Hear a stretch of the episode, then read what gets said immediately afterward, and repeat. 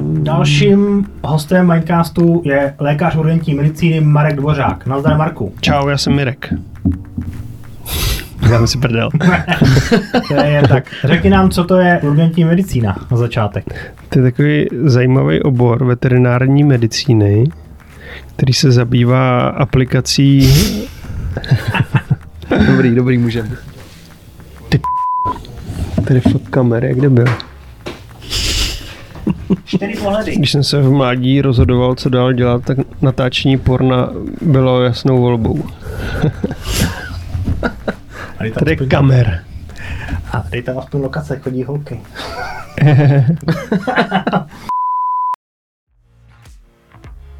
Čau, tak jsme zpátky po letní pauze a jak už jste mohli slyšet, máme tady dalšího super hosta. Narazili jsme na něj úplnou náhodou na Instagramu, kde se stejně jako my věnuje osudům lidí a českému zdravotnictví. Akorát on už je trošku na jiném levelu. Vyhrál za to teďka nějakou velkou cenu. Ale na to bychom se opět asi měli zeptat. No, jako doktor zachraňuje lidi v záchrance, ve vrtulníku nebo na urgentním příjmu. Tak jdem na to, než nám uteče na další noční. Já vám přeji příjemný poslech a doufám, že se budete dobře bavit. Jedem.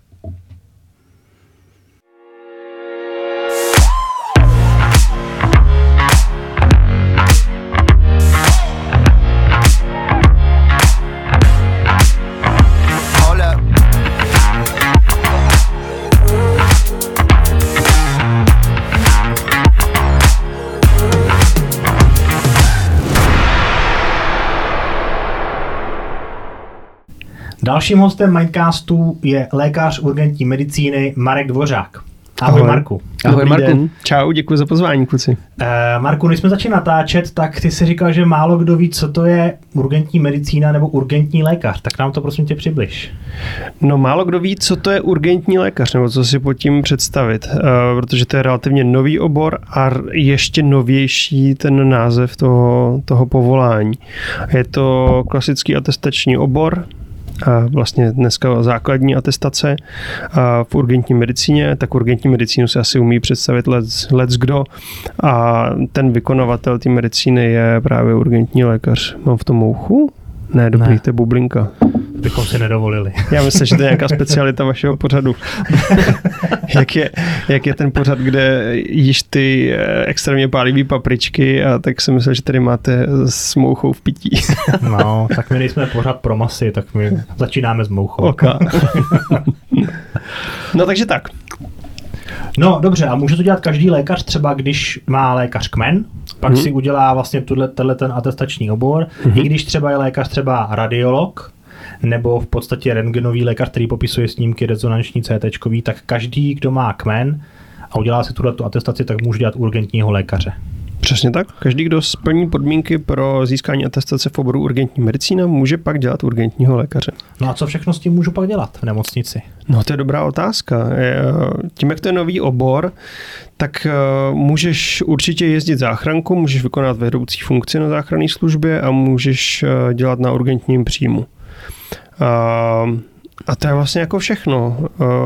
Teoreticky samozřejmě můžeš sloužit na příbuzných oborech, ale ne v pozici atestovaného doktora. Asi kdybych chtěl sloužit na interně, mm-hmm. čistě na interně, mm-hmm. tak si myslím, že bych nebyl v pozici internisty, ale byl bych v pozici lékaře jenom s kmenem, že by se mi uznal mm-hmm. ten kmen.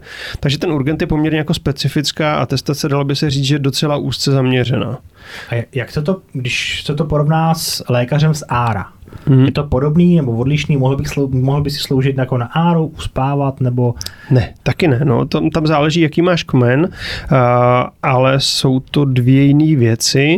Áro je, uh, áro je zejména zaměřený dneska na poskytování intenzivní a resuscitační péče na oddělení, zatímco ta urgentní medicína uh, řadu pacientů ošetří a posílá je domů z toho urgentu, je to až třeba polovina lidí, ti pak odchází po ošetření domů, anebo je to právě ta přednemocniční péče. Mhm. Árový lékař je super specializovaný lékař, který skutečně se stará o kriticky nemocný lidi na mhm. Na tom oddělení, zatímco urgentní lékař pracuje většinou na tom urgentním příjmu, kde lidi si myslí, že taky jsou úplně super nemocní pacienti, ale mm, opak většinou je pravdou, nebo pravda je někde mezi, možná by se spíš dalo říct přesněji, že na ten urgent skutečně přijde řada lidí, kteří pak odchází po zaléčení domů a jsou úplně v pořádku. Takže nevidíme tam jenom ty drastáky pořád. Vyžaduje to po člověku i něco jiného třeba než, eh, než práce záchranáře, protože eh, jak se teďka popsal, to, že eh, ty můžeš jezdit se záchrankou jako lékař, tak jdou na to stejný typy lidí, anebo je v tom něco, nějaký rozdíl? Ale myslím, že tohle se hodně posouvá s dobou, že za doby, kdy se točil ten seriál Sanitka, ta první série, tak eh, a, a potom v těch následujících letech, tak to fakt často bylo tak, že záchranku dělali doktoři tak jako s donucením mi přišlo. Mm-hmm. Že koho vyhodili tadyhle z Gindy, protože byl špatný ginekolog a, a, a protože chlastal, tak prostě šel jezdit záchranku nějaký spektrum těch lidí. Určitě to tak prostě bylo. Uh, málo kdo tam šel, protože prostě chtěl jezdit tu záchranku a chtěl dělat urgentní medicínu. Další lidi byli, že prostě dělali na Áru a to Áro vyjíždělo, proto dneska ještě furt někteří lidi to tak jako pamatují a říkají, zavolejte Áro, přitom už to s Árem fakt nemá vůbec nic Jasně. společného. takže byli na tom Áru a když někdo zavolal, tak prostě si vzali kufřík a, a jeli tou sanitou, tak mm, to, to byly další, další doktoři. A, a dneska opravdu záchranka je prostě úplně svébytný samostatný obor, kam naštěstí už si myslím, že opravdu je řada lidí, kteří prostě jdou na medicínu s tím, že chtějí pak dělat záchranku, což je jako opravdu jako fajn. Mm-hmm. Možná... No je to určitě mnohem víc zrušující práce, že jo, než být jenom v nemocnici. Hele, mm, to asi záleží, tak někomu může přijít třeba oční vzrušující. Je to asi, to asi jak to máš nastavený, to je, to tak, je to tak jako dobře. No. Tak uh, prostě já to říkám často a, a všude, že pro mě to je nejlepší medicínský obor, který může doktor dělat. Mě překvapilo, že si říkal, že polovina lidí, který vy, nebo přichá, který přicházejí na urgent, hmm. jdou domů po zaléčení. Jasně. To znamená, že chyba je na můžeme říct teoreticky, že chyba je na straně těch pacientů, že ten svůj stav vnímají jako mega urgentní, i když objektivně z medicínského pohledu to není urgentní? Uh, polovina, to jsem se tak jako vycucal z prstu. Já moc nemám rád no. takový ty dojmologický ty, ale jako hmm. jistě to bude nějaký takovýhle číslo, že, že nemalý množství pacientů, kteří přijdou na ošetření na urgentní příjem, tak pak odchází domů po ošetření. A tím neříkám, že to je něčí chyba. Prostě tam ty lidi přijdou a jejich stav nevyžaduje hospitalizaci. Uh, a teď bychom se asi mohli opravdu dlouho bavit o tom, co k čemu vlastně ten urgent je, k čemu je urgentní medicína a jestli to tak je správně, protože mezi touhle polovinou lidí, co jdou pak domů, tak jistě bude řada lidí, kteří si přišli třeba pro recept, nebo kteří mají úplně jako banální obtíže, mm-hmm. který by jim vyřešil praktický lékař, nebo by vůbec doktora nepotřebovali. A prostě tam přijdou a kolem toho personálu je ty lidi nějak jako ošetřit, zaléčit, postarat se o ně. Tak ona ani zlomená noha nepotřebuje hospitalizaci, ne? To se Přesně, jenom to je fakt jako to... No, jasně. A, přesně tak a doktora potřebuješ, takže hmm. jako když jdu do nemocnice se zlomenou nohou, tak tam nejsem špatně, jsem tam správně, ale není potřeba, aby mě někdo hospitalizoval. A třeba, já nevím, astmatický záchvat taky, že jo? V tu chvíli se mi blbě dejchá, můžu na to umřít, ale pokud mi je poskytnuta vhodná léčba, tak v drtivé většině případů pak po hodině dvou odcházím domů a je to tak v pořádku. Hmm. Myslím si, že ta urgentní medicína se hodně posouvá i v Čechách už tím západním směrem a, a jsou s tím spojeny ty dobré věci, že prostě doktoři urgentní medicíny fakt chtějí dělat urgentní medicínu a chtějí dělat dobře. A jsou s tím spojeny i ty negativní věci, co známe z těch seriálů, typicky to, že prostě když jdeš na urgentní příjem s blbostí, tak tam prostě 4-5 hodin čekáš. Hmm. Já takhle. A že vnímáte, nebo takhle, v, pořád se setkáváte s lidmi, kteří, i když ví, že ten jejich stav není akutní, tak úmyslně přijdou na urgen, protože je víkend a potřebují prášky třeba na bolesti zad, protože celý víkend sekali dřevo na chalupě. Uh, to se hnedka z začátku začal extrémně těžký téma. No. A, a fakt, uh, tohle se mi objektivně velmi špatně hodnotí, protože ten člověk tam nejde do té nemocnice proto, aby šikanoval zdravotnický personál. Prostě tam jde proto, že má nějaký zdravotní problém a vyhodnotí to tak, že potřebuje ošetřit. A zrovna když teda budeme mluvit o mém pracovišti, tak my jsme nízkoprahý urgentní příjem. To znamená, že tam není žádný filtr. Může tam přijít kdokoliv a, a to nastavení je takový, že nikoho nesmíme odmítnout. Takže ve chvíli, kdy tam někdo přijde a svůj problém vyhodnotí jako akutní zdravotní problém, tak my se o něj vždycky postaráme. A já osobně si myslím, že to tak je správně. A samozřejmě tam musíš udržet nějaký flow toho oddělení, aby nebylo přehlcený. Takže ve chvíli, kdy ty mi přijdeš říct, že si celou dobu víkend, já nevím, dělal nějakou činnost na zahradě a bolej tě záda, tak já ti řeknu jasně, nemáš neurologický deficit, nemáš poruchu čítí hybnosti, sfinktery ti držej, jakž tak funguješ, je to neúrazový, eh, takže tady máš recept na myorelaxanci a na léky proti bolesti a, a zítra se zajdi za praktickým lékařem a nějak s tím zatím funguje. A to ošetření mě zabere 5-10 minut prostě toho mm-hmm. pacienta. Mm-hmm. Ve chvíli, kdy tě tam přivezou se zástavou oběhu, tak samozřejmě dostaneš úplně full service, včetně invazí, mimodělního oběhu a všeho. A to je právě hezký na té urgentní medicíně, že stejný doktor ti tam řeší to, že tě bolej záda a napíše ti Nemesil a, a za dvě minuty dělá činnost, která je úplně jako extra specializovaná život zachraňující. Mm-hmm. To je ta urgentní medicína v tom, jak si ji představuju. No a ty prioritizace vlastně děláš ty jako lékař? Ne. Nebo kdo?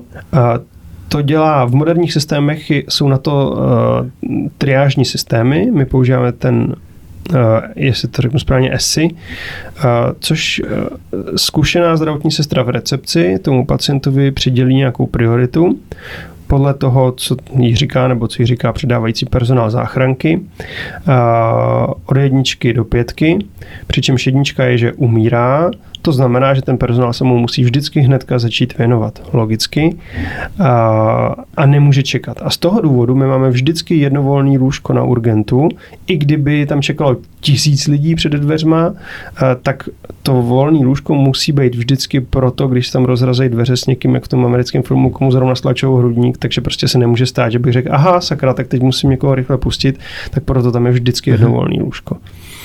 A, a úkolem, tohle je úkolem eh, vedoucího lékaře směny a vedoucí sestry směny, aby tenhle flow prostě zajišťovali, aby kdo může čekat, tak čeká, a kdo je na lůžku a už se může někam posunout s minimem znalostí, když vím, že toho člověka buď budu pouštět domů, což je komplikovaný, protože to nemůžu udělat hnedka, musím čekat na vývoj nějakého stavu, ale pokud zase hnedka vím, že ten člověk bude k přijetí do nemocnice, typicky, já nevím, nějaká sepse, když mi přijede babička vyschla z CRP 300 a má ložisko velký zánět zánětlivý na plicích, tak to pravím, že ji nemůžu pustit domů a nemůžu čekat dvě, tři hodiny na všechny výsledky a vím, že ji musím hledat rychle lůžko v nemocnici, tak aby tam byl ten flow toho oddělení. V tom to je zase jako mega zajímavý. Mm-hmm.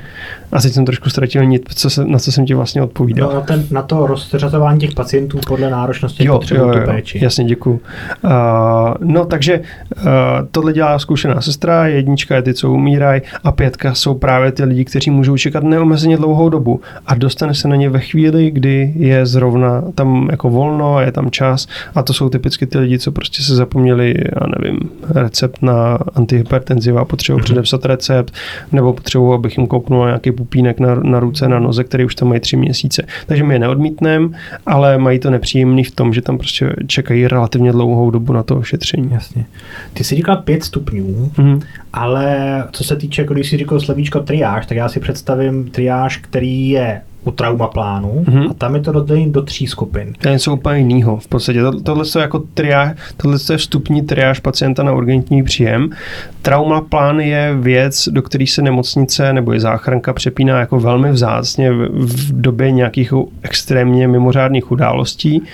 A pro mě to je zase jako super, nebo super, pro mě to je prostě zajímavý, protože ve chvíli, kdy se vyhlásí trauma plán, což se neděje často, tak zase přepneš do úplně jiného režimu a v tu chvíli to je taková ta surová urgentní medicína, že řekneš prostě, kdo tady nemáte co dělat, tak jděte do piče a prostě teď se budou řešit fakt jako opravdu podle priorit a to už nejsou priority, mám tady pupínek tři měsíce a, a budu mm-hmm. čekat, a jsou priority umírá rychle nebo umírá pomalu mm-hmm. a podle mhm. toho to musíme nějak řešit. Ještě bych chtěl říct jednu věc, než na to zapomenu, mě naved na dobrou věc, že uh, řada lidí měla nebo i má pocit, že když přijede do nemocnice s sanitkou, tak přijdou rychleji na řadu.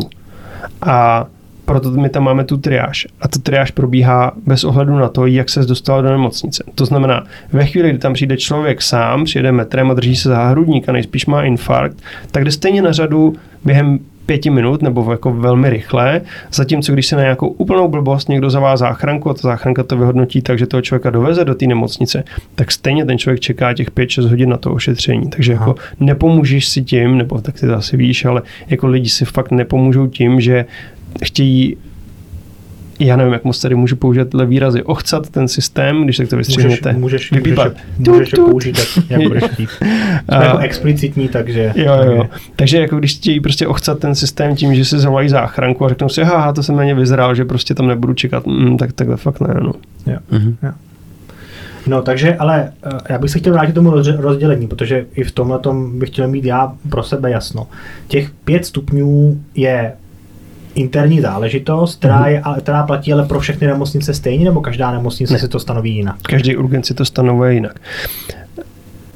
V České republice není definovaný vlastně moc, jak má vypadat urgentní příjem. A v každé nemocnici urgentní příjem vypadá trošku jinak a v podstatě by se dalo říct, že nenajdeš úplně dva jako stejný nebo mm-hmm. dva podobný. Mm-hmm. Každý si používá jiný triážní systém, někdo má tří stupňů, někdo pěti stupňů, někdo nemá žádný, tam to třídí sestřička, jak když jsem začínal na jednom nejmenovaném oddělení, tak tam prostě to bylo tak. A bohužel to je často tak i tečka a, a z toho pramení řada průšvihů, že prostě uh,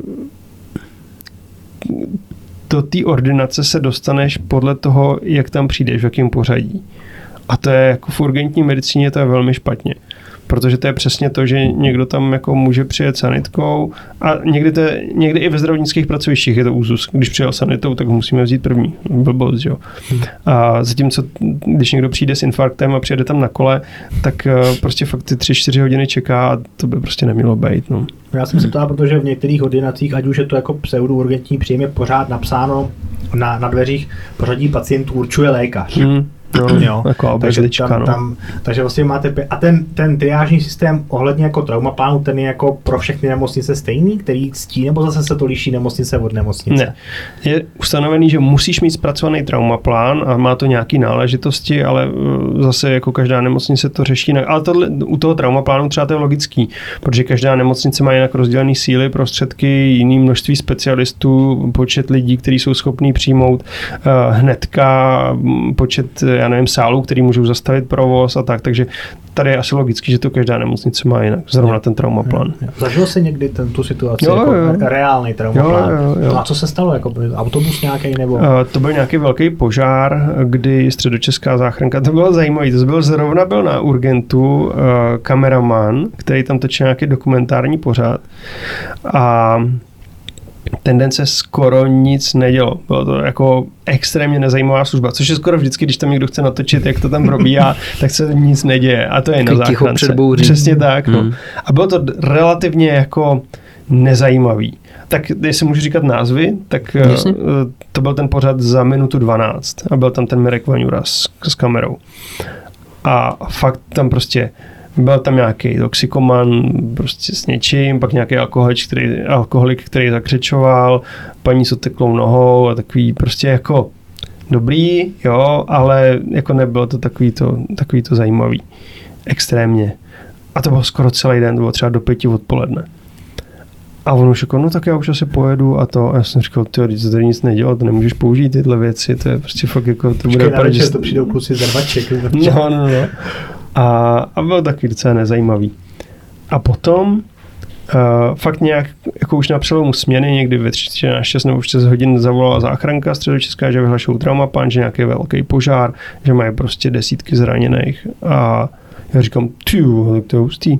Tak to se neděje každý den, že? Mm-hmm. A skutečně přivezli uh, nějaký lidi, prostě nadejchaný, popálený a tak a fakt tam začal být jako ten správný urgentový mumraj a přivezli tam chlapíka, úplně nedobře zajištěnýho, protože mi prostě tam byl zmatek na tom místě, takže přijel s RZP posádkou, špatně dechal, krvácel z hlavy, popálený dýchací cesty, prostě úplně jako fakt jako mega urgentní člověk, kterýmu jsme, který jsme intubovali, píchali jsme mu vstupy, teď tam byl ještě orlista, protože mu chcela ta krev z té hlavy, takže prostě jeden ho intuboval, druhý mu stavil krvácení, úplně fakt to bylo fakt jak Chicago, no, tam lítali prostě ty roušky na ty zem, fakt takový ta, taková ta správně urgentní medicína.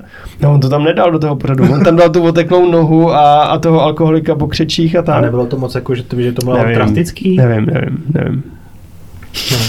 Takže to bylo takový zajímavý. No. Uh, ty jsi teďka zmínil toho uh, eh, Orolu doktora, no. kde vlastně, uh, protože jak jsi popisoval tu tvoji práci, tak ty vlastně, jestli já to chápu správně, děláš strašně moc různých specializací, nebo jsi vlastně hrozně moc uh, Takový desetibojař. Tak, tak takový trochu desetibojař. A uh, já se chci zeptat vlastně, kdy ta tvoje práce končí jo. a kdy začíná práce kardiologa, doktora z ORL nebo, já nevím, pneumolo- pneumologa. Super, to je, to je skvělý dotaz, děkuji za něj. Uh, no my jako doktoři urgentní medicíny říkáme, že umíme všechno a ty zlí, co stojí proti nám, ty specialisti právě říkají, že z toho jejich oboru neumíme nic a že jsme vlastně na hovno doktoři, že jo? a v tom to je, no, to je ten urgent, že opravdu ty v té záchrance, dejme tomu, což je fakt jako taková jako surová urgentní medicína, tak fakt můžeš ten den jet k porodu, to dítě musíš ošetřit, musíš ho zresuscitovat, když jsi neonatolog v tu chvíli, uh, druhý věc máš dopravní nehodě, kde máš závažně zraněného člověka, uh, třetí máš nějaký interní stav, kdy prostě se ti někdo dusí a ty máš přijít na to, jestli to je plicní onemocnění nebo selhání srdce nebo něco úplně jiného. A pak máš mozkovou mrtvici, jak začne neurolog, pak má infarkt někdo, takže čteš EKG, pak má někdo něco bodnutého v oku, v uchu, takže jako opravdu fakt jako z, mýho pohledu musíš z každého oboru něco vědět a se všem si nějak poradit. A, a na tom urgentu je to podobný, takže tam uh, proto máš tu specializaci v té urgentní medicíně, aby si poznal, na co ještě stačí tvoje kompetence a kdy už uh, potřebuješ zavolat specialistu. Já jsem fakt jako asi zhejčkaný hodně tou motovskou nemocnicí, kde fakt jako si luskneš prstem a za dvě minuty tam máš spondylochirurga, neurochirurga, kohokoliv, prostě máš tam mimotělní oběh na tom urgentu, když chceš, prostě máš tam všechno, na co si vzpomeneš. A to jako určitě malý okresní nemocnice typu, a to, to si umíte představit, nikoho nejmenu, tak tohle o tom se jim fakt jenom zdá. Tam, když chtějí chirurga, tak mu musí poslat mail a odpověď mají za měsíc, že jo? takže to je fakt jako v tomhle, v tomhle ten motor nás jako hodně rozmazluje. No taky, taky že jo, ty velký urgentní, nebo ty těžký urgentní stavy se taky k vám jako sjíždějí a slítají jako ze široko daleko, že? Jo, jo, jo, to je princip takzvaných traumacenter nebo super specializovaných center, kdy, eh, a je to tak správně, se od člověka, který má nějakou specifickou složitější nejnovější věc starají v tom centru, kde se o to starají denně. Mm-hmm. Ve chvíli, kdyby měli v nemocnici typu chrudím, eh, ošetřovat polytraumatizovaného pacienta, tak to nejspíš nedopadne úplně dobře, protože to prostě nedělají a nemají tam ty specializace, tak proto se to vozí do těch specializovaných center, kterým v případě úrazu říkáme traumacentra, v případě mrtvice iktoa centra, v případě kardiálních problémů komplexní, eh, jak to je kardiovaskulární centra hmm. nebo kardiocentra. Hmm v případě popálení nebo popálenový centrum a tak. Takže eh, asi je dobře, že se o ty lidi, kteří jsou nějak speciálně poraněný nebo eh, limitovaný, stará někdo, kdo to dělá každý den. Ja, takže aby, abychom odpověděli na tu kovovou otázku, to, kde končí tvoje kompetence, začíná někoho jiného, rozhodneš ty na základě toho nějakého kurzu. Je to, je to nějakým způsobem, no kurzu, to je atestace, ale no, atestace, je, to, je, je, je to nějakým způsobem definovaný. Zajímavý je, že třeba eh, já nemám jenom urgentní medicínu, ale mám i mm, všeobecný praktický lékařství a tam je taková jako zajímavá klička, tak nevím, jestli to zveřejňovat, ať na to někdo nepřijde. Ale třeba jako urgentista vím přesně, jaký mám pravomoce a co můžu a co už nemůžu. To už musí udělat specialista, nějaký specializovaný výkon. Zatímco jako praktický lékař, když jsem na urgentním příjmu, tak dělám to, co já uznám za vhodný. Tam to je přesně napsané. V té definici toho je opravdu je to definovaný. Takže všeobecný praktický lékař, pokud slouží na urgentním příjmu, tak si kompetence stanovuje na základě toho, co uzná za vhodný. Aha. Takže když já uznám za vhodný, že někomu budu na urgentu operovat mozek, přestože jsem to nikdy nedělal, tak pravděpodobně, tak jako asi by to nebylo úplně, to bych byl debil, že jo, ale, ale jako asi by to bylo nějakým způsobem jako obhajitelný třeba líp, než když jsem urgentní lékař, protože tam jsou ty kompetence jasně dané. Uh-huh. No a teďka otázka, když budeš mít štěstí nebo smůlu na určit, ať už budeš na výjezdě nebo na tom urgentním příjmu a budeš mít jenom určité spektrum zranění nebo těch případů. Jinými slovy, chci se zeptat na to, jestli chodíš na nějaké pravidelné proškolování, protože pokud budeš třeba dělat záchranáře a nebudeš mít třeba za pět let žádný jako porod, mm-hmm. tak ve chvíli, kdy potom po těch pěti letech ho dostaneš, mm-hmm. tak asi nebudeš tak jistý, jako kdyby si ho dělal každý měsíc. Jasně. Jsou nějaké takové jako mm, věci, aby ty se byl jistější u případů, které třeba nemáš tak často? Ale to blbý dotaz, ale jako napadlo mě to, že vlastně jako, třeba já bych byl jako nervóznější, když, jo, my jsme teďka měli letní pauzu tady v natáčení a já jsem byl nervóznější na nastavování jako kamery, protože jsem to dlouhou dobu nedělal. Jasně, jasně. Tak jestli něco takového je v té tvojí branži. Ti udělám sen každého moderátora, jo, a odpovím ti ano. ne, jasně no, jsou, uh, jsou pravidelný kurzy jednak, jsou jako uznaný celorepubliky, to je ten systém celoživotního vzdělávání, takže jsi nějakým způsobem donucený si udržovat nějaký, hm, jestli to říct, jako know-how eh, a získávat nějaký kredity za účast na konferencích, kde se vzděláváš a máš nějaký workshopy a tak. Pak jsou samozřejmě kurzy, které jsou velmi jako dobrý a účelně, si myslím, s rozumem udělaný v tom našem oboru, je to ALS, ATLS, PHTLS, to znamená speciální kurz na resuscitaci, kde fakt dva dny drilluješ to, jak jako resuscitovat správně, včetně použití všech léků a všeho. To samé je na úrazy, to samé je na další věci, prostě teďka je ten CMP kurz a tak, což si můžeš udělat. A zase, když chceš mít staci z urgentu, tak je to povinný kurz pro tebe, takže ho musíš mít. A ten ti propadá mm, za, tuším, jednou za tři roky nebo za pět let, hmm. nebo takhle nějak, takže si to musíš pořád obnovovat. A pak i ty záchranky a ty naše organizace dělají uh, na nějaký bázi prostě školení uh, opakovací na téma, který je buď aktuální z nějakého důvodu, uh, anebo prostě co, co vymyslí to vzdělávací centrum. Takže jo, jako není to úplně jako fráze, ale fakt jako v medicíně, tak to víte, že, že se prostě pořád jako vzděláváš hmm. a, a byla by to asi profesní sebevražda někde z, hmm. jako zůstat v postupech, které se dělali před 20 lety a nesnažit se to nějak jako obnovovat a učit se nové věci. To je asi pravda. Uh, ty vlastně lítáš i s leteckou záchrankou. Hmm. Uh, my, jelikož jsme tady měli jednu kolegyni, která dělala tu uh, pozemní nebo se sanitkou. Konkurenci. Uh, kdo a kdy rozhoduje o tom, jestli pojede klasická záchranka nebo jestli poletí helikoptéra? Většinou to je duplicitní, to znamená, skoro nikdy se nestane, že by tam ten vrtulník letěl jako jediná zdravotnická posádka, protože Eh, když už tam letí, tak to je většinou mega průšvih a ten dispatching to duplikuje. To znamená, že když tam posílá vrtulník, tak tam posílá i pozemky, kdyby náhodou byla, já nevím, mlha nebo prostě něco se dělo, že ten vrtulník nemůže doletět, eh, tak aby tam byl aspoň někdo, kdo se o toho člověka postará. A rozhoduje to krajský zdravotnický operační středisko, to znamená, když vytočíš linku 155, tak uh, dispečer rozhodne na základě tzv. indikačních kritérií, které jsou velmi jako přesně specifikovaný, uh, kdy tam ten vrtulník poletí. A když to jako schrnu, tak je to tehdy, kdy ten pacient z toho má nějaký benefit. V drtivé většině případů je to časový benefit. A to znamená, že ten člověk, dejme tomu od úrazu, což je 80% našich vzletů, závažní úrazy, tak kdy ten člověk od vzniku toho úrazu bude dřív v tom specializovaném traumacentru. Tak v tu chvíli tam má smysl ten vrtulník. Není Aha. to samozřejmě vše spasný. Uh, teoreticky vybavení a složení posádky vrtulníku je stejný jako sanitky. Jako má to nějaký benefity, hlavní je ta rychlost a pak je to to, co se vlastně už jako nakousl, že posádka vrtulníku ty extrémně závažné stavy vidí relativně jako mnohem častěji než pozemní posádka. Uh-huh. Je to proto, že ten vrtulník se dostává k nejhorším věcem z celého kraje nebo z několika krajů a, a ve chvíli, kdy já jsem na vrtulníku a třeba uh, si u politraumatu řeknu, že bych něco udělal jinak, tak další šanci to udělat jinak mám pravděpodobně ještě ten den nebo další službu. Zatímco tohle, když si řekne někdo na pozemní posádce, typicky v RZP posádce, třeba v nějaký velké aglomeraci, kde frekvence těch závažných výjezdů na tu jednu posádku je relativně nízká, tak když si řekne udělám to jinak, on, tak to udělám to jinak bude třeba za 6 nebo za 9 měsíců. Takže v tom je ten Jo. jako Mhm. mega rozdíl.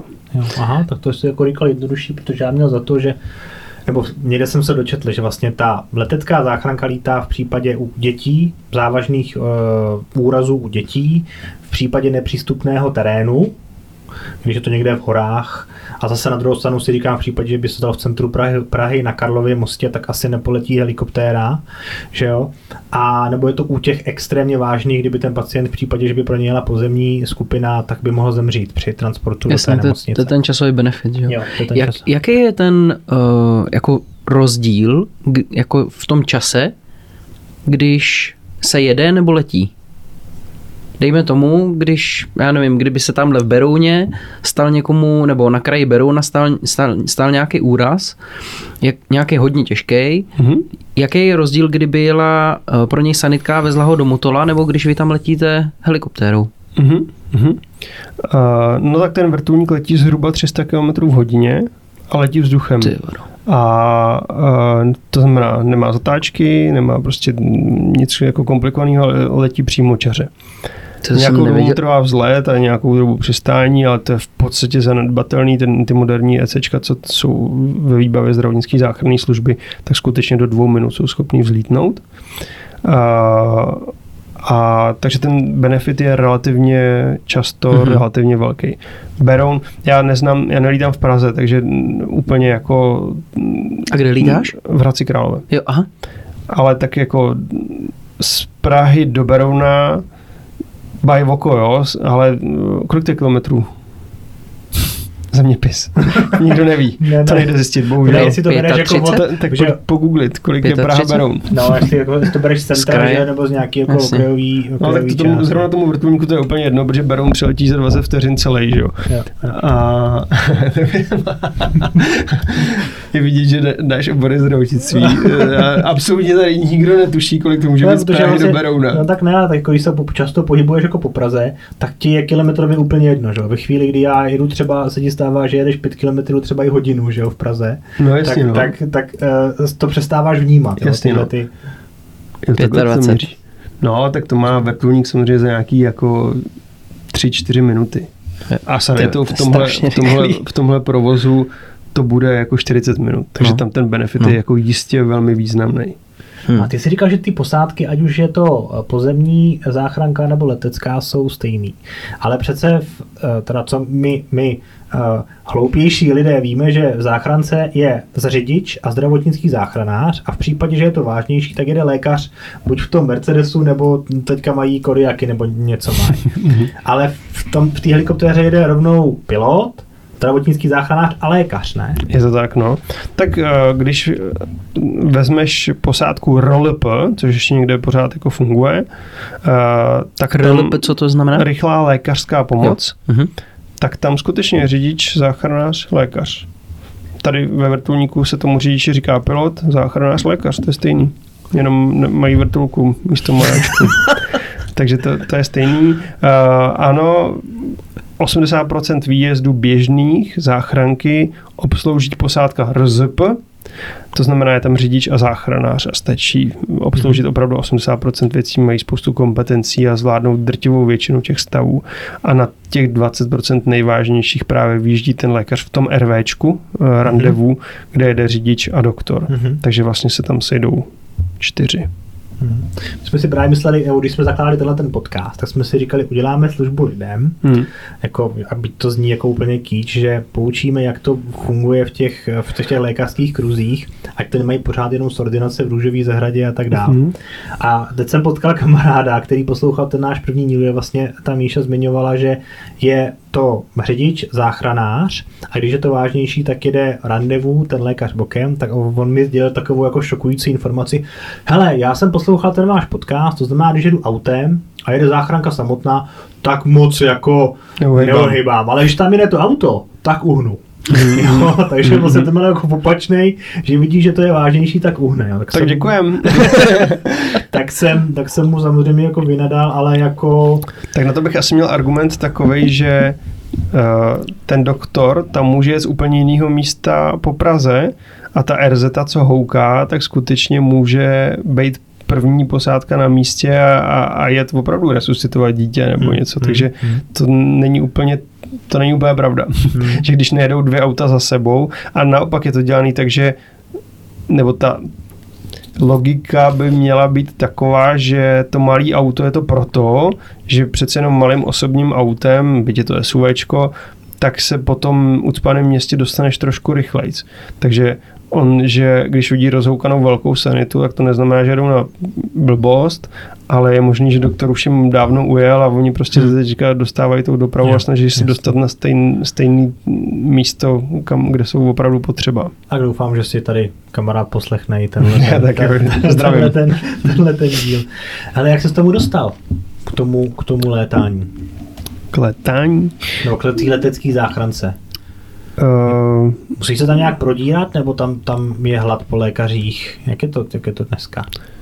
Tak jako musím říct, že jako doktor asi mám štěstí v tom, že to je, pardon, já jsem ponoční a přednoční, tak, uh, že to je uh, obecně zdravotnického personálu je relativně málo, takže vezmu kde jakýho Nýmanda, tak proto tam jsem. ne, dělám si srandu. uh, no, když chceš dělat doktora na záchrance, tak bys měl mít právě atestaci a, a, a pak splnit nějaký výběrový, nebo podmínky nějakého výběrového řízení. A ta letecká pro lidi, co dělají urgentní medicínu a chtějí dělat a baví je, tak je samozřejmě top. Prostě už jenom proto. Mě třeba až tak nebaví. Má, mý kolegy hodně baví lítání jako takový, že si dělají piloťáky na ten vrtulník, lítají si s letadílkama, fotí si letadla, když letí na dovolenou. Já to fakt beru jenom jako dopravní prostředek. Mě to až tak jako nevzrušuje. Jo, že tomu letu jako takovýmu nepřikládám takovou váhu a samozřejmě je to jako sexy nebo je to dobrý mm. a mhm. jakože na začátku to, to, to jako mega žral, ale teď to fakt beru jenom jako dopravní prostředek, který tě dostane k tomu zajímavému pacientovi. Takže jako za mě největší benefit je to, co vidíš jako medicínsky na ty letecký a to ti mm. neposkytne žádná jiná žádný jiný zařízení zdravotnický, protože fakt ta expozice těm zajímavým stavům pro zdravotníka na té letecké je prostě nejvyšší. Mm-hmm. Proto to je, si myslím, pro lidi, kteří to chtějí dělat nejzajímavější. Ono se často stává u té pozemní, že jsou i oni sami v ohrožení života, když je špatná doprava, nikdo jim nedá přednost. Zažil si ty nějakou špatnou situaci v tom vrtulníku? Kde byly silný větry nebo byla bouřka? Když měl pilot eh, to jo, čečkovou polívku, tak měl silný větry pak. Uh, No já se pak, až odpovíš, tak já se mám takovou jako blbou otázku následně, co já jsem zase jako slyšel, jo. Uh, abych pravdu řekl, tak teď eh, nevím, jak odpovědět, abych ti nelhal. Uh, a zároveň jako, aby, abych se nesral do huby, no. Uh, je to prostě dopravní prostředek, a je to služba, která je exponovaná jako stavům, kde jde lidem opravdu o život. Takže tam pracuješ s nějakou mírou rizika. A tak každý, kdo jezdí autem, tak si umí představit, že nastávají situace, kdy prostě to třeba je někdy na hraně. A letecká doprava se samozřejmě snaží být jako extrémně bezpečná. Důkazem toho budí, že jako ty vrtulníky záchranářský úplně moc nepadají, což teda doufám, že taky zůstane. Takže si myslím, že ta míra rizika je akceptovatelná. Samozřejmě, když teda budu mluvit jenom obecně, tak když ti řeknu, hele, někde v nějaké obci je dítě a to má zástavu srdce a ty jsi jediný, kdo mu může potenciálně pomoct. A doleď tam. A, ale jako je trochu mlha. A to není úplně bezpečný. Tak to je jako velmi náročný. Mm-hmm. Některé záchranné služby letecké dokonce to dělají tak, a teď já nevím, jestli to je správně nebo ne, ale jako je to zajímavý minimálně, že ten pilot neví, k čemu se letí. Neví aha, to. Aha Protože přesně pro tohle, když já mu řeknu, hele, ty vole, když teďka tou mlhou neproletíš, přestože to není úplně bezpečný, tak to dítě určitě umře. Prostě umře tam dítě. A On tím pádem, že může, může být pořád objektivní, co se týče toho. A nebo mu řeknu, máš nějakou misi prostě a doleď tam. A ve chvíli, kdy on má nějakou misi a má tam doletět a řekne, hele, není to bezpečný, je tam mlha, vracíme se. Tak jako pro něj to je jistě jako mnohem méně psychicky náročný, než hele, já to radši zkusím, protože tam je dítě a směděný domů může pomoct, jo. No a zároveň, zároveň může i jako objektivněji hodnotit to riziko, který nastává na tom místě, jestli on tam může přistát a tím potenciálně ohrozit třeba i tebe a toho záchranáře, který letí s vámi, že jo? No jasně, no, tak jako furt je to prostě práce s nějakým rizikem. Asi jako ve chvíli, kdy budu sedět u počítače a psát nějaký smlouvy, tak to riziko je menší, než když budu sedět ve vrtulníku a lítat prostě k dopravním nehodám, hmm. ho, takhle to je, no, ale tak asi myslím, že každý, kdo to dělá, tak s tím nějakým způsobem je, je zžitý a chce to dělat, no, tak hmm. prostě tak to je, no.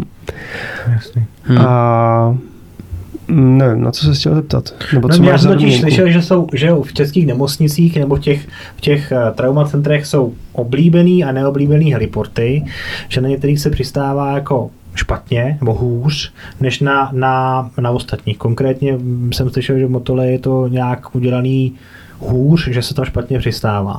Ty piloti, kteří lítají leteckou záchranku, tak jsou jako opravdu jako nejzkušenější vrtulníkoví piloti a jsou absolutní elita. Fakt jako, že jako opravdu s tím vrtulníkem udělají neskutečné věci.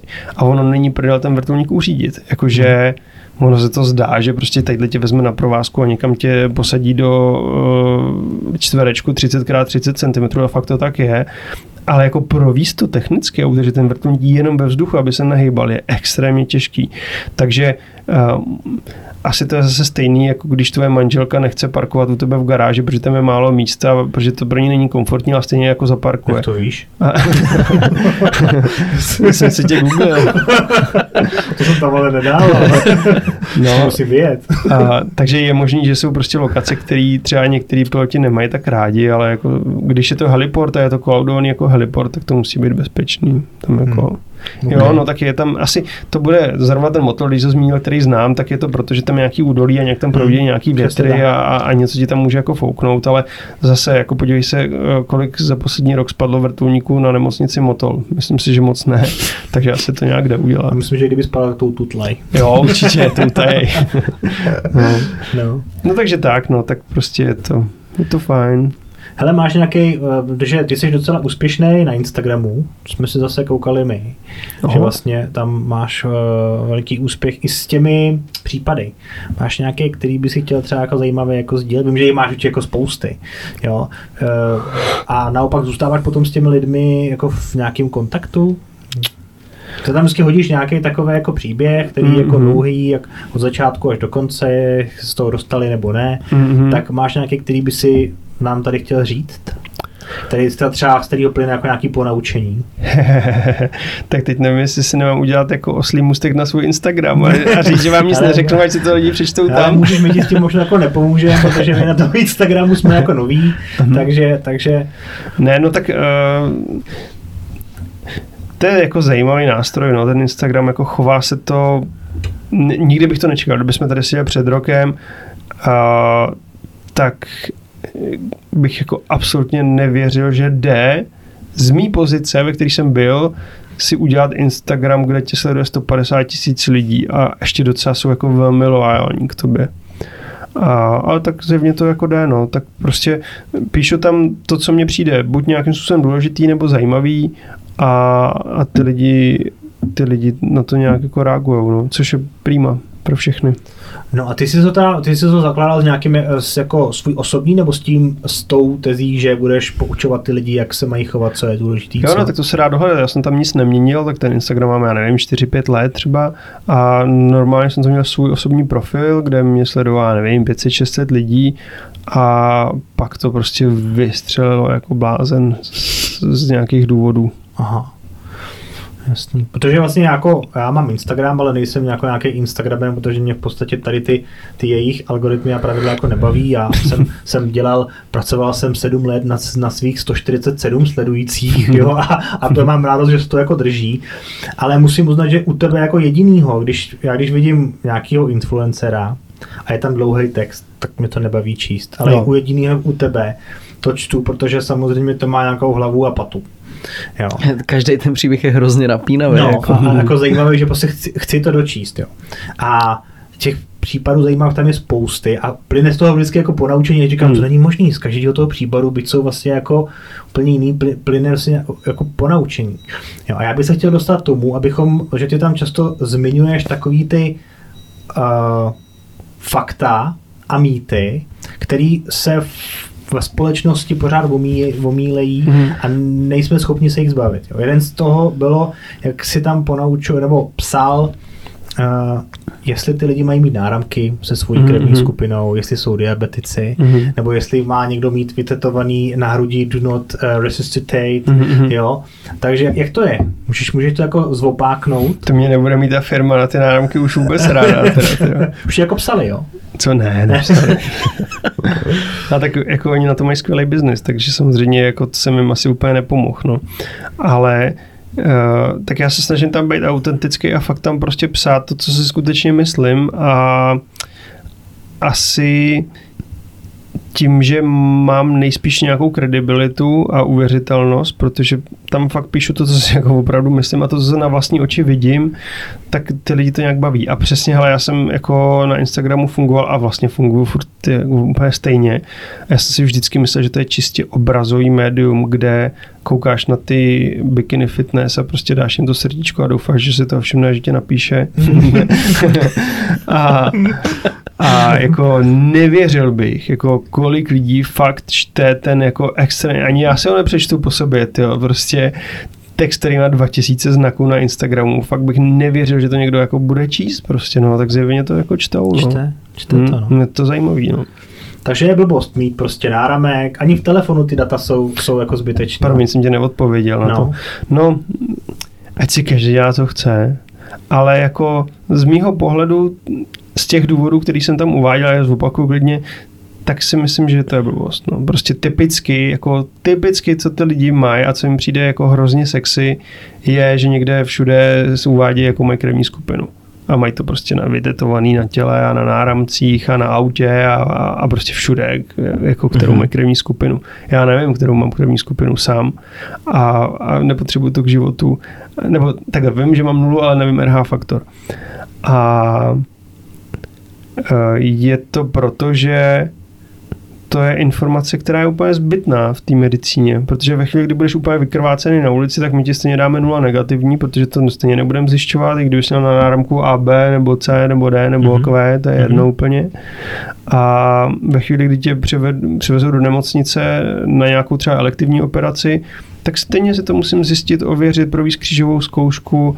A je mi úplně jedno zase, co máš na náramku nebo vytetovaný na těle. A navíc já nevím, jestli jsi ten náramek nedostal jako náramek přátelství od někoho, kdo má jinou krevní skupinu, takže to prostě není absolutně medicínsky použitelný žádný z těch dat, který tam prostě na tom náramku nebo na tom tetování je. Stejně tak, jako když má někdo do not resuscitate na hrudníku, tak já nevím, jestli to není název jeho oblíbený kapely a kdybych ho neresuscitoval, že mě rodina nezažaluje za to, že jsem neposkytnul první pomoc. Jo. Mm-hmm. Takže prostě jsou nějaký jako v podstatě jako zákony v České republice, kterým asi i zdravotníci nebo všichni samozřejmě musí řídit a rozhodně tam není to, že se mám řídit eh, podle toho, co má kdo vytetovaný na těle. No a co cukrovkáři? Pomůže to, nebo to taky asi? No já si právě myslím, že taky ne, protože uh, ve chvíli, kdy je někdo diabetik, jinak, ve chvíli, kdy má někdo poruchu vědomí, pro co to ty diabetici mají, protože když je při vědomí, tak mi řekne, že je diabetik, ale ve chvíli, kdy najdu někoho v bezvědomí na ulici, tak každému člověku, který má poruchu vědomí na ulici, každá zdravotnická posádka záchranné služby stanovuje glykémy. Mají to v guidelineu, prostě dělají to a je to jedna z diferenciálních diagnostik eh, poruchy vědomí. Takže to zněří každému, bez ohledu na to, co má na náramku. Takže Aha. proto si myslím, že ani diabetik to nepotřebuje mít, protože Uh, no tak přece Takhle jde, jde jenom vlastně o to, jestli eh, když eh, ty diabetikovi změříš cukr a on hmm. zrovna má svůj inzulin, tak může mít normální hladinu cukru v krvi a ty hmm. teda nevíš o tom, že je diabetik, i když tohleto eh, vyšetření provedeš, Jede ta opice v té hlavě s těma čenelama. Povídej, povídej, dobrý, já, tě, já se chytnu zase, dobrý. A uh, nemůže dojít teda k tomu, že se mu poskytne nějaká léčba, která nemá být poskytnuta diabetikovi? Protože má v tu, v tu chvíli normální hladinu cukru. No, a co to jako by mění? Co, co na tom změní ten náramek? No, jenom tu informaci, že diabetik je. Protože změř, když mu změř, změříš cukr v krvi, mm-hmm. tak eh, z toho to nemusíš poznat. Když bude diabetik v bezvědomí a bude mít normální hladinu cukru, nebo Promiň, teď jako Třeba, jako no. nechápu ten dotaz. Třeba, protože no, je v bezvědomí ne kvůli tomu, že má hy, eh, jako hypoglykemii, ale kvůli něčemu jinému. Jo, chápu, jo, už se chytám. Tak mám prostě před sebou člověka v bezvědomí. Uh-huh. A diferenciální diagnostika bezvědomí je x desítek stavů, co ti můžou způsobit bezvědomí. Jasně. Diabetes mellitus je jenom jedním z nich. Takže já stejně každému člověku v bezvědomí změřím cukr bez ohledu na to, jestli má nebo nemá náramek. A když je to diabetik bezvědomí, tak já jenom vyloučím, že příčinou není ta cukrovka, mm-hmm. ale stejně vždycky musím pátrat dál. Může být opilej, intoxikovaný, může mít krvácení do hlavy, může mít těžkou plicní emboli, může mít synkovu, může mít prostě cokoliv. Takže uh, No, já, takhle, já nejsem doktor, takže já nevím, jestli já když je takhle... z Google, uh, když je takhle diabetik v bezvědomí, tak jestli ta léčba, která se mu, nebo jakýkoliv člověk, když je v bezvědomí, tak ta léčba, která se mu poskytuje, jestli to nemůže diabetika třeba ohrozit. Ne. Ne. ne. No, První pomocí jasně. nejde ublížit. Uh-huh. Pokud je správně poskytovaná, což ti poradí operátor tisňové linky 155, tak tím nikomu neublížíš bez ohledu na to, jestli je diabetik, nebo epileptik, nebo prostě je hmm, A co třeba lámání žeber při resuscitaci? A chceš být radši mrtvý nebo mít zlomený žebro? Jasně, takže to může i ublížit, ale zachraňuje to život, že jo? Jo. Uh, stav krajní nouze. Ve chvíli, kdy uh, škoda, kterou odvracíš, je menší než ta, kterou způsobíš, ty vady, větší, řeknu větší, blbě, větší, ano, tak jsi vyviněný z toho. Takže jasný. zlomený žebro je v pohodě, hmm. mrtvý člověk není v pohodě. Jasný. Radši zlomím žebro, než aby to hmm. nepřežil. Hmm. No a jak je to, to bylo krásný uslý jak je to teďka z procentu ve chvíli, kdy resuscituješ, kolik těch lidí se vrátí do normálního života, protože já jsem si vždycky myslel, že eh, pak vlastně já jsem sloužil na, na SKG nebo na kardiologii na selektivní koronarografii mm-hmm. a tam ve chvíli jsem viděl, buď když se resuscitoval dlouho, mm-hmm. nebo při, přijel ten pán s Lukasem, což je ten mm-hmm. přístroj, který resuscituje mm-hmm. za tebe, tak ta prognóza byla velmi špatná u těchto mm-hmm. těch lidí. Mm-hmm. Jak je to, zlepšilo se to, nebo je to pořád stejně, že to není úplně výhra, když ten člověk po resuscitaci se z toho dostane? Uh... Samozřejmě se to lepší a je na zásluhu má řada faktorů. Jednak je to dostupnost té péče, to, že prostě máš automatizovaný externí defibrilátory, ten systém, který zachraňuje ty životy. A já když někoho resuscituju a odvážím ho z nemocnice, tak ve chvíli, kdy není přivědomí, což je malý procento případů, to znamená, většinou to jsou ty lidi, co se chytnou záhrodních kolabujou, mladí, předtím úplně zdraví, dostanou rychle výboj a proberou se a řeknou, tyjo, co to bylo, a mi řekne, máte zástavu, nebo měl jste zástavu oběhu a jedem do nemocnice, tak u těch skoro vždycky vím, že to dopadne dobře. Ale to není typický pacient mm-hmm. po mhm. resuscitaci. Typický pacient po resuscitaci je ten, co odvážíme za intubovaného v umělém spánku s nějakým jakž takž oběhem, který už cestou musíme podporovat nějakými katecholomeny a tak. A tam těm rodinám říkám vždycky, že ta šance na to, že ten člověk se vrátí zpátky domů tak, jak ho znali, mm. je mhm. něco mezi 5 a 10 procenty. Mm-hmm. A ještě je to tak, jak ho znali. Je velký rozdíl, jaký, jakou máš výchozí pozici. Ve chvíli, kdy jsi někdo, kdo rok leží na posteli, stará se o tebe nějak rodina s ošetřovatelkama, krmí tě do pegu mm-hmm. a tobě se zastaví srdce, tak my tě nepřivezem zpátky jako po resuscitaci z nemocnice, že jsi ready a že, se, že se jdeš zajistit na kolečkových bruslích. Přivezem tě zpátky, že ležíš hmm. na posteli a krmí ti do pegu samozřejmě. Nebo možná trošku hůř. Ve chvíli, kdy jsi to ty a najednou si jdeš zaběhat a, a máš zástavu a, a povede se to, tak samozřejmě chceme, aby ten stav zpátky byl, že si jdeš zase zaběhat no. a jsi v pohodě a děláš Stejný. podcasty. No. To právě, jsme tady měli docenta Brudhance z Všeobecný a ten právě říkal, všichni jako jásají, že se zvyš, prodlužuje eh, délka života člověka, ale už nikdo neřeší, jaká je ta kvalita. No, jasně, no. toho prodlouženého života. Mhm. To může být jeden z těch, jeden z těch faktorů, který, protože já budu třeba po mrtvici, budu dál žít, Mhm. před 30 lety bych to třeba nepřežil, ale už, už, si, už si nezaběhám, no. Nebo prostě budu chodit s nočníkem. Jo. To je, to je v tom Je to tak. je blbý, no. Co tam máme dál? Hele, ty, teď jsem koukal, že si dostal nějakou cenu na, na uh, International Pornhub Award uh, Biggest Dick Content. no, že jsi tam měl nějakou fotku, jak tam jako děkuješ, jakože s největším zásahem na, na uh, veřejný publikum.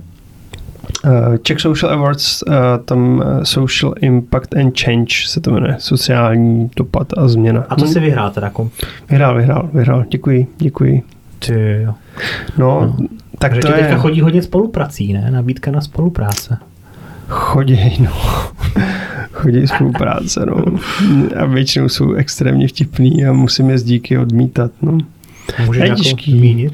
Mě to strašně zajímá. Já se tam nikdy nedostanu, že se svými 150 jako sledujícími, ale, ale jestli...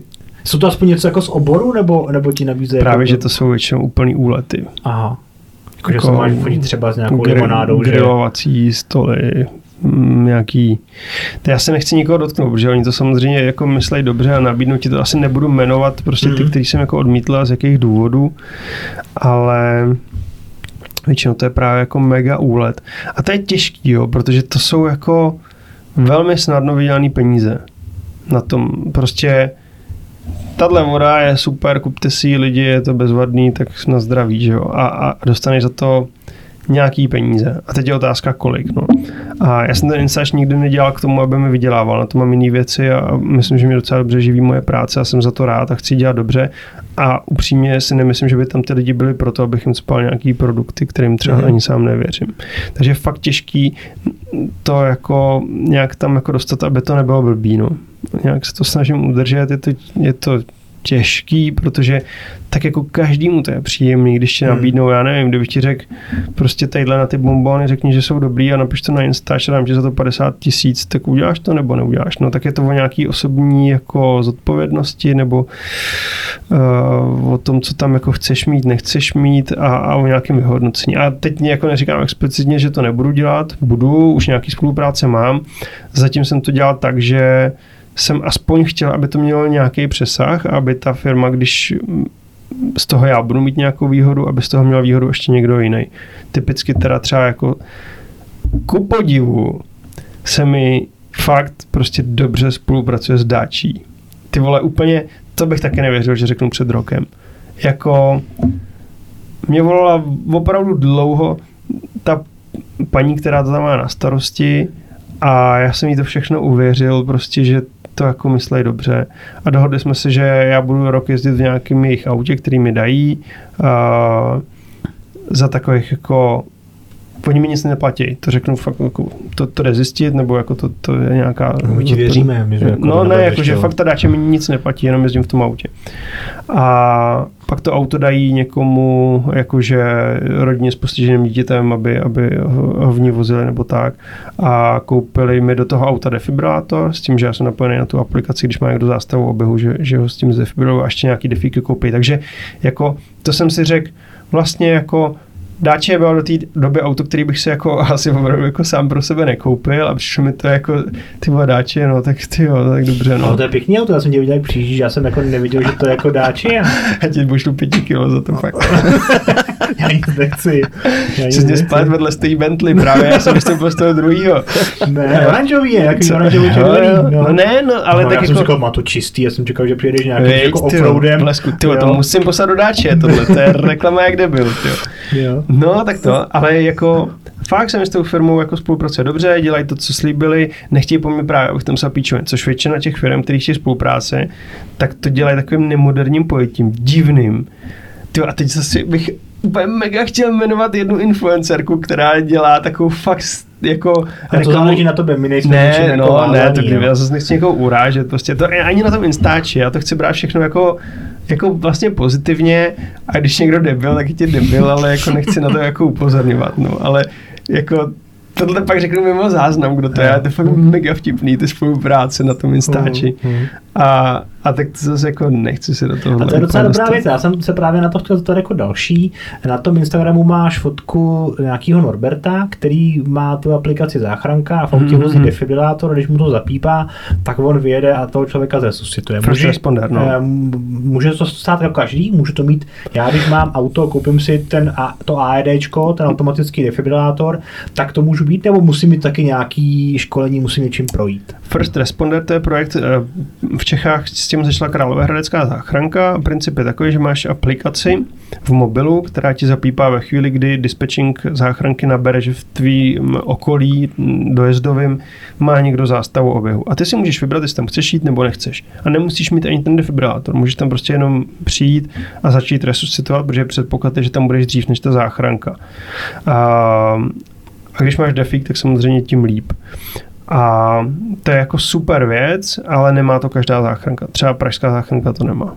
Jo, takže mm, ty, ty využijí first respondery třeba z řady policie České republiky. Když si myslí, že tam budou policajti dřív než záchranka, tak je tam pošlou.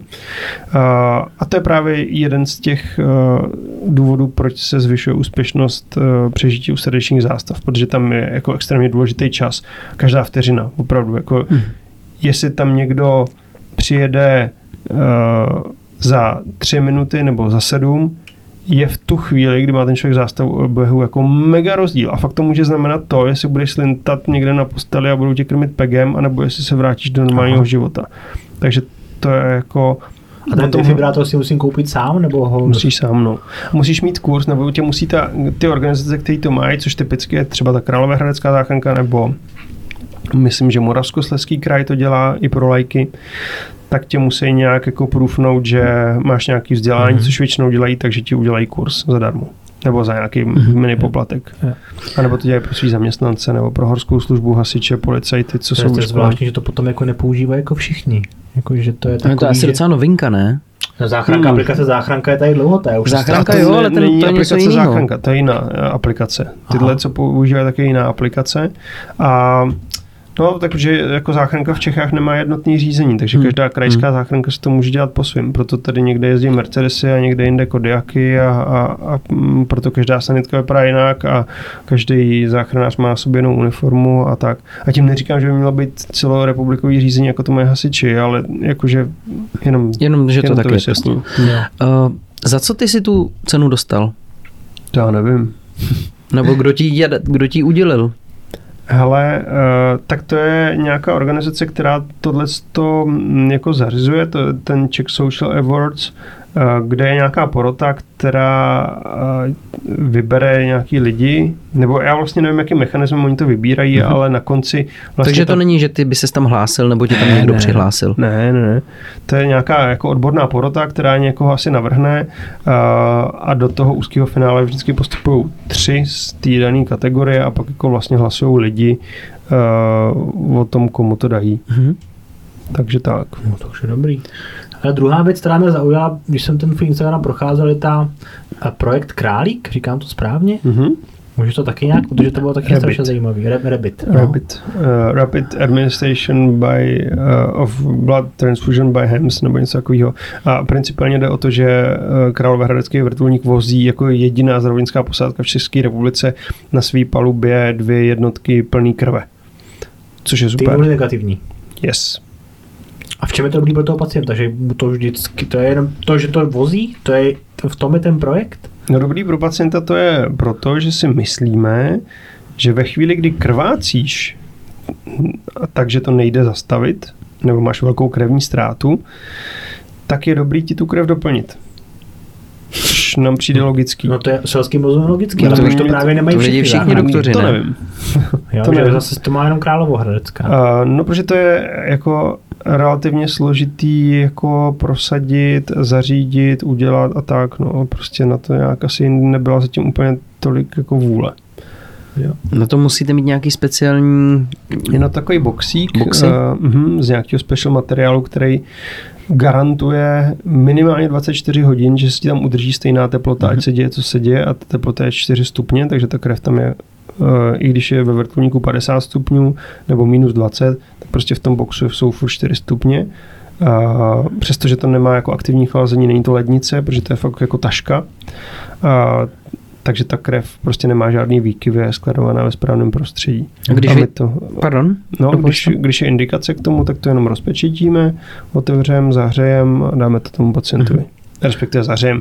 Je na to průtokový ohřívač. Takže uh, argumenty proti tomu, když někdo má, kdo neví vlastně, jak to funguje, tak říká, že to dlouho trvá to podání, ale vůbec to netrvá dlouho. Prostě já si buď můžu vybrat, jestli šáhnu pro infuzi se slanou vodou, což NaCl skutečně slaná voda, anebo pro infuzi nebo pro transfuzi s tou krví a podám to tomu pacientovi. Úplně stejně napíchnu se, dám tam ten průtokový ohřívač, dám mu to do řečiště, podávám krev. Mně to přijde fajn. Hmm. A, takhle, když vy vyrazíte s tou krví na, k, k nějakému zásahu a vrať, vracíte se zpátky bez toho, abyste ji použili, tak eh, vrátí se zpátky do té banky, anebo... Mhm, mhm, jo. My jako nevyrazíme s krví, my ji máme prostě pořád na palubě, Mhm. protože může se stát, že letíme, dejme tomu, já nevím, na nějaký vzlet a oni nás cestou přesměrují na nějaký závažnější, kde Jasně. je potřeba podat tu krev, a takže my máme furt sebou. A ve chví, každý den se to mění. Každý ráno záchranář jede odvíst tu nepoužitou, pokud se nepoužije, a vezme si novou. A žádná se nevyhodí. My to dáme zpátky do nemocnice a oni to podají To je, co pacientům. jsem při se chtěl zeptat. Nikdy se žádná nevyhodí. Mhm. Super, tak to, to je zajímavé. Já teď mám takovou osobní otázku, protože my oba dva máme jako malí děti. A, a, Jsem chtěl, no nic, já jsem puberták. Prostě. a vlastně jako v- tím, jak začneš prostě jakože googlovat, zjišťovat si prostě věci, tak jsem zjistil, že nejvíce úrazů uh, dětí se stává doma. Mhm, ano, je to tak. Jako vlastním zaviněním, ať už je to prostě u bazénu nebo někde. Je, a teď je to úplně kýčová otázka, je nějaká jako co nějaký pravidla nebo něco, na co si dávat jako pozor, co abych jako ne, nebylo mít taky jako v obytí nějaký jako hlouposti, k- vy velmi často jako výjíždíte? No, něco, co často vidíte a bylo by dobrý, kdyby to lidi nepodceňovali třeba. Fíha. No, třeba, A- že spolkne nějaký jako magnetický kuličky nebo něco takového. Hm. Uh, asi jako univerzální rada je používej zdravý rozum. A už jenom to, že se vlastně na tuhle otázku zeptáš, tak uh, si myslím, že to znamená, že o tom nějakým způsobem přemýšlíš a to, a to asi jako stačí prostě. A naopak lidi, kteří by o tom nepřemýšleli, nebo je to nezajímalo, tak ty si nikdy tenhle podcast nepustí, takže to je takový házení pera. No, Ale- jako, že to osobní, že bych jako Jo, já, jo, já věděl, jo. jako, že Jo. Uh, Promiň, nevadí ti to, nemám ti to zatáhnout? To, to, to, To světlo. Ne, ne, ne, Dobrý. pohodě. Uh, tak je to to, že se nějak jako edukuješ v, tomhle tom tématu a že počítáš s tím, že máš dítě a chováš se zodpovědně uh, a pak to jsou nějaké jako drobnosti ve smyslu, že když tady máš sklenici s horkou vodou, tak nebude úplně na kraji stolu v dosahu toho dítěte, stejně tak uvaření. Prostě uspůsobíš tu svoji domácnost tak, že tam žije někdo, kdo jako ještě prostě nemá tolik rozumu z toho světa a, a neuvědomuje si různé nástrahy, které jsou. Uh, docela dobrý je prolíst si ten svůj barák po čtyřech, protože ty to nikdy nevidíš z perspektivy toho dítěte, dokud si neklekneš na jeho úroveň. A fakt objevíš řadu věcí tady, podívej, co tady je za elektrický, všechny věci, které by tě tomu dítěti dokázaly ublížit a, a dokud si neklekneš, tak je nevidíš. A tak to je i v domácnosti. No. A, a prostě podívat se, jaký to dítě má zvyky, jak se chová, co dělá a zkusit nějak jako predikovat to, co by ho mohlo ohrozit. Uh, typicky, já nevím, sítě v oknech, který nejsou úplně dobře, to by byl jako mega průser, jsem byl u svého šváry na návštěvě v novém bytě. Úplně, ty mě fakt, úplně jsem se opotil, že oni fakt jako mají relativně nízko v paneláku okna v nějakým ty 14 nebo 17 nebo jakým patří, úplně to je vejška jak blázen. A úplně jsem říkal, ty vole, jako udělejte to tak, aby to dítě se nikdy do svých 15 let nedostalo k tomu oknu, protože to by byl mega průser. Takže jako takhle prostě, no, jako jenom si o tom jako zkusit zapřemýšlet a fakt tomu věnovat tu energii, uh, která je pak jako absolutně k nezaplacení. Že není nic horšího, než někam přijet, kde vidíš zoufalý rodiče, který si říkají, ty píče, tomu asi šlo zabránit, co? A ty si v hlavě řekneš, no jako šlo, no. No a jaký jsou nejčastější ty případy, k čemu vyjíždíte? Ale asi naštěstí ta frekvence těch kriticky nemocných a zraněných dětí je tak malá, že nemůžu říct, co by bylo nejčastější, protože těch případů jsou jednotky, co já vidím jako ročně třeba. Ale jako co mi přijde, a to jsem, proto jsem to psal na ten Instač třeba, co mi přijde jako vždycky úplně jako mega zbytečný a strašně líto jsou ty utopené děti v těch bazénech posraných. Pardon, teda. A to, tak samozřejmě za to nemůže bazén, nikdy, jako to není věc bazénu, ale, ale jako skoro vždycky mi to přijde jako strašně zbytečný, jako poškození toho dítěte nebo to umrtí toho dítěte, kdy uh, kdy prostě to těch chvilinku nikdo nehlídá a je to fakt jako vteřina. My jsme byli na dovolený, kde já si pamatuju, jak jsem takhle měl svoje nealko mochito v ruce a, a stál jsem po kolena v tom brouzdálku a najednou moje žena říká Matěj! Úplně jako s takovým vyděšeným výrazem a já úplně se budu rozlít. A to dítě tam fakt jako plavalo v té vodě už tak jako polobezvládně. Ale to bylo jako fakt třeba jako dvě vteřiny, když jsem se na něj nedíval. A samozřejmě jako se to teďka snějem, ale jako nezahodil jsem ten drink, držel jsem ho a druhou rukou jsem ho jako a on byl jsem, jako nebylo to nic, jako že by byl v bezvědomí potom už, nebo to prostě, má se jako kouknu, ani snad nebrečel, prostě jenom jako, co to bylo, jako ty vole. A jako ještě teď o tom mluvím a buší mi srdce, takže Aha. fakt jako u té vody, kdy to dítě ani naše sedmiletá Laura nedokáže si myslím ještě furt adekvátně vyhodnotit rizika, na to jako menší děti, takže tam je to fakt na tom rodiči, aby, aby zrovna u té vody byl jako úplně extrémně opatrný, extrémně. Fakt hmm. jako nespustit z toho dítěte v oči ani na vteřinu. Hmm. To je asi ta nejlepší rada, no. no.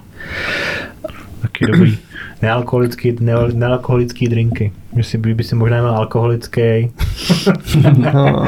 tak to dopadne jinak. Když se člověk takhle nachomejtne k nějakému úrazu nebo eh, k nějakému zranění, hmm.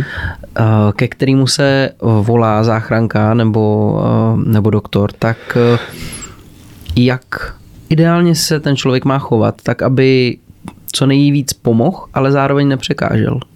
Nebo něco třeba ne, nebo něco třeba ne, nepokazil. Jo, super. Aby tomu člověku, aby tomu poškozenému ještě neublížil. Jo, jo, jo. Předtím Eh, když jsi tam sám, tak za mě je nejlepší vytočit linku 155 a normálně poslouchat, na co se tě ptá ten operátor a odpovídat mu. Mm-hmm. To je nejsnažší cesta, jak tam tu záchranku dostat co nejdřív.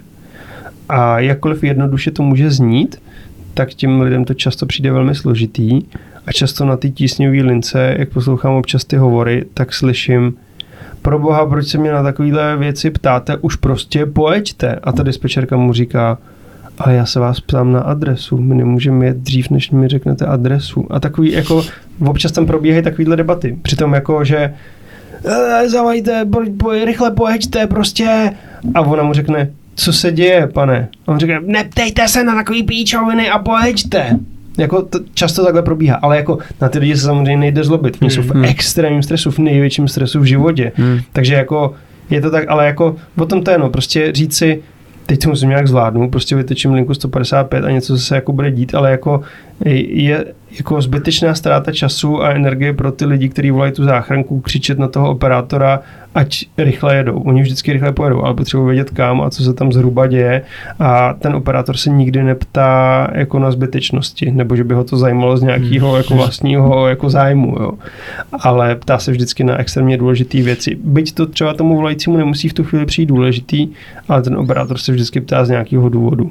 Takže nejlepší je prostě vytočit, poslouchat, odpovídat a, a pak to bude nejlepší. Uh-huh. A jsou nějaké oznámení přes tu aplikaci záchranka? Jo, no Používají to lidi? Jo, jo, jo. Používají, no.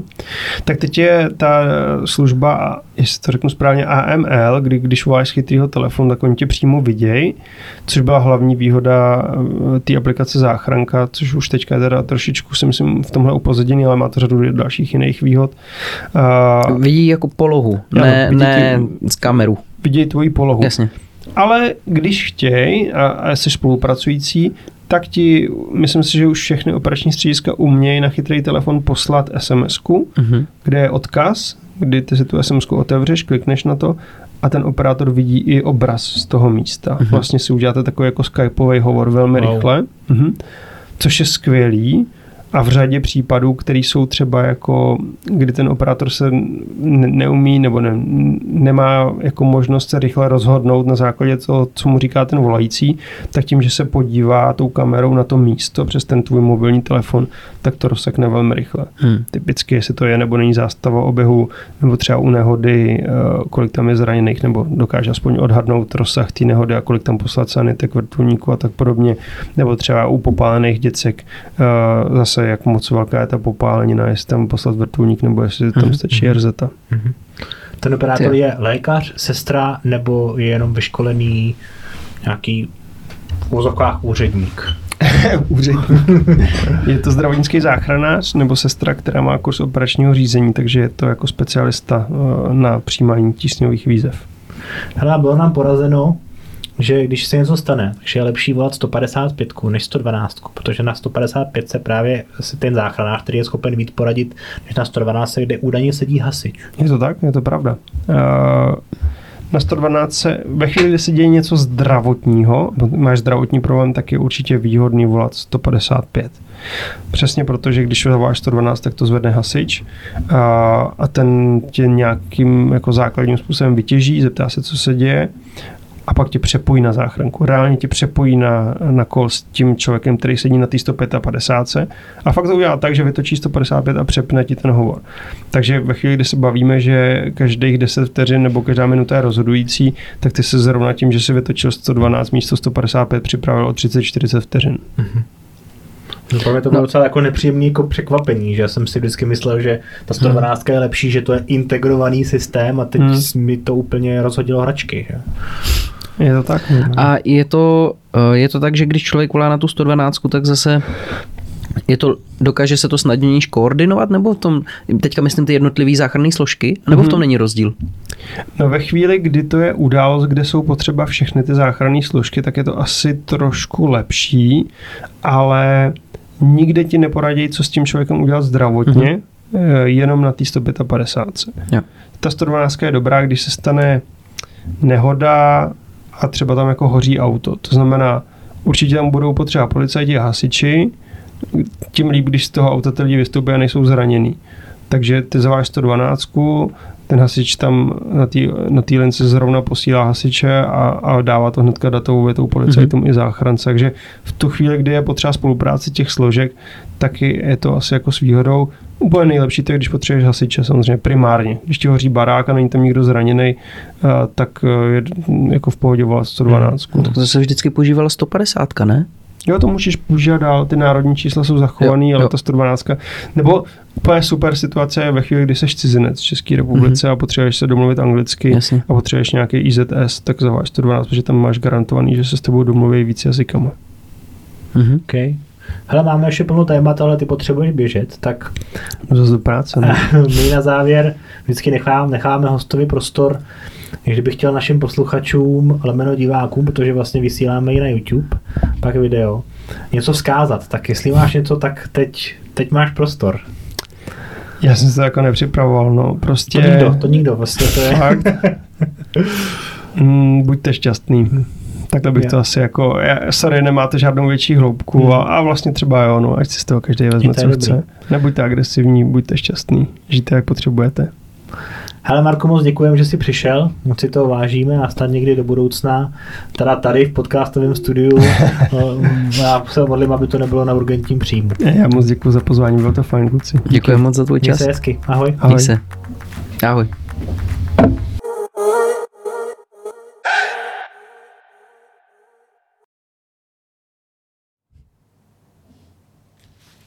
Vy jste ještě tady? Tak na co čekáte? Tohle už je konec, nic dalšího už nebude. Leda, že byste nás chtěli sledovat na Spotify, Apple Podcast nebo na YouTube. Tam taky najdete všechny naše další epizody. Takhle tam vypadá naše logo. No teď už fakt nic dalšího nebude. Čau.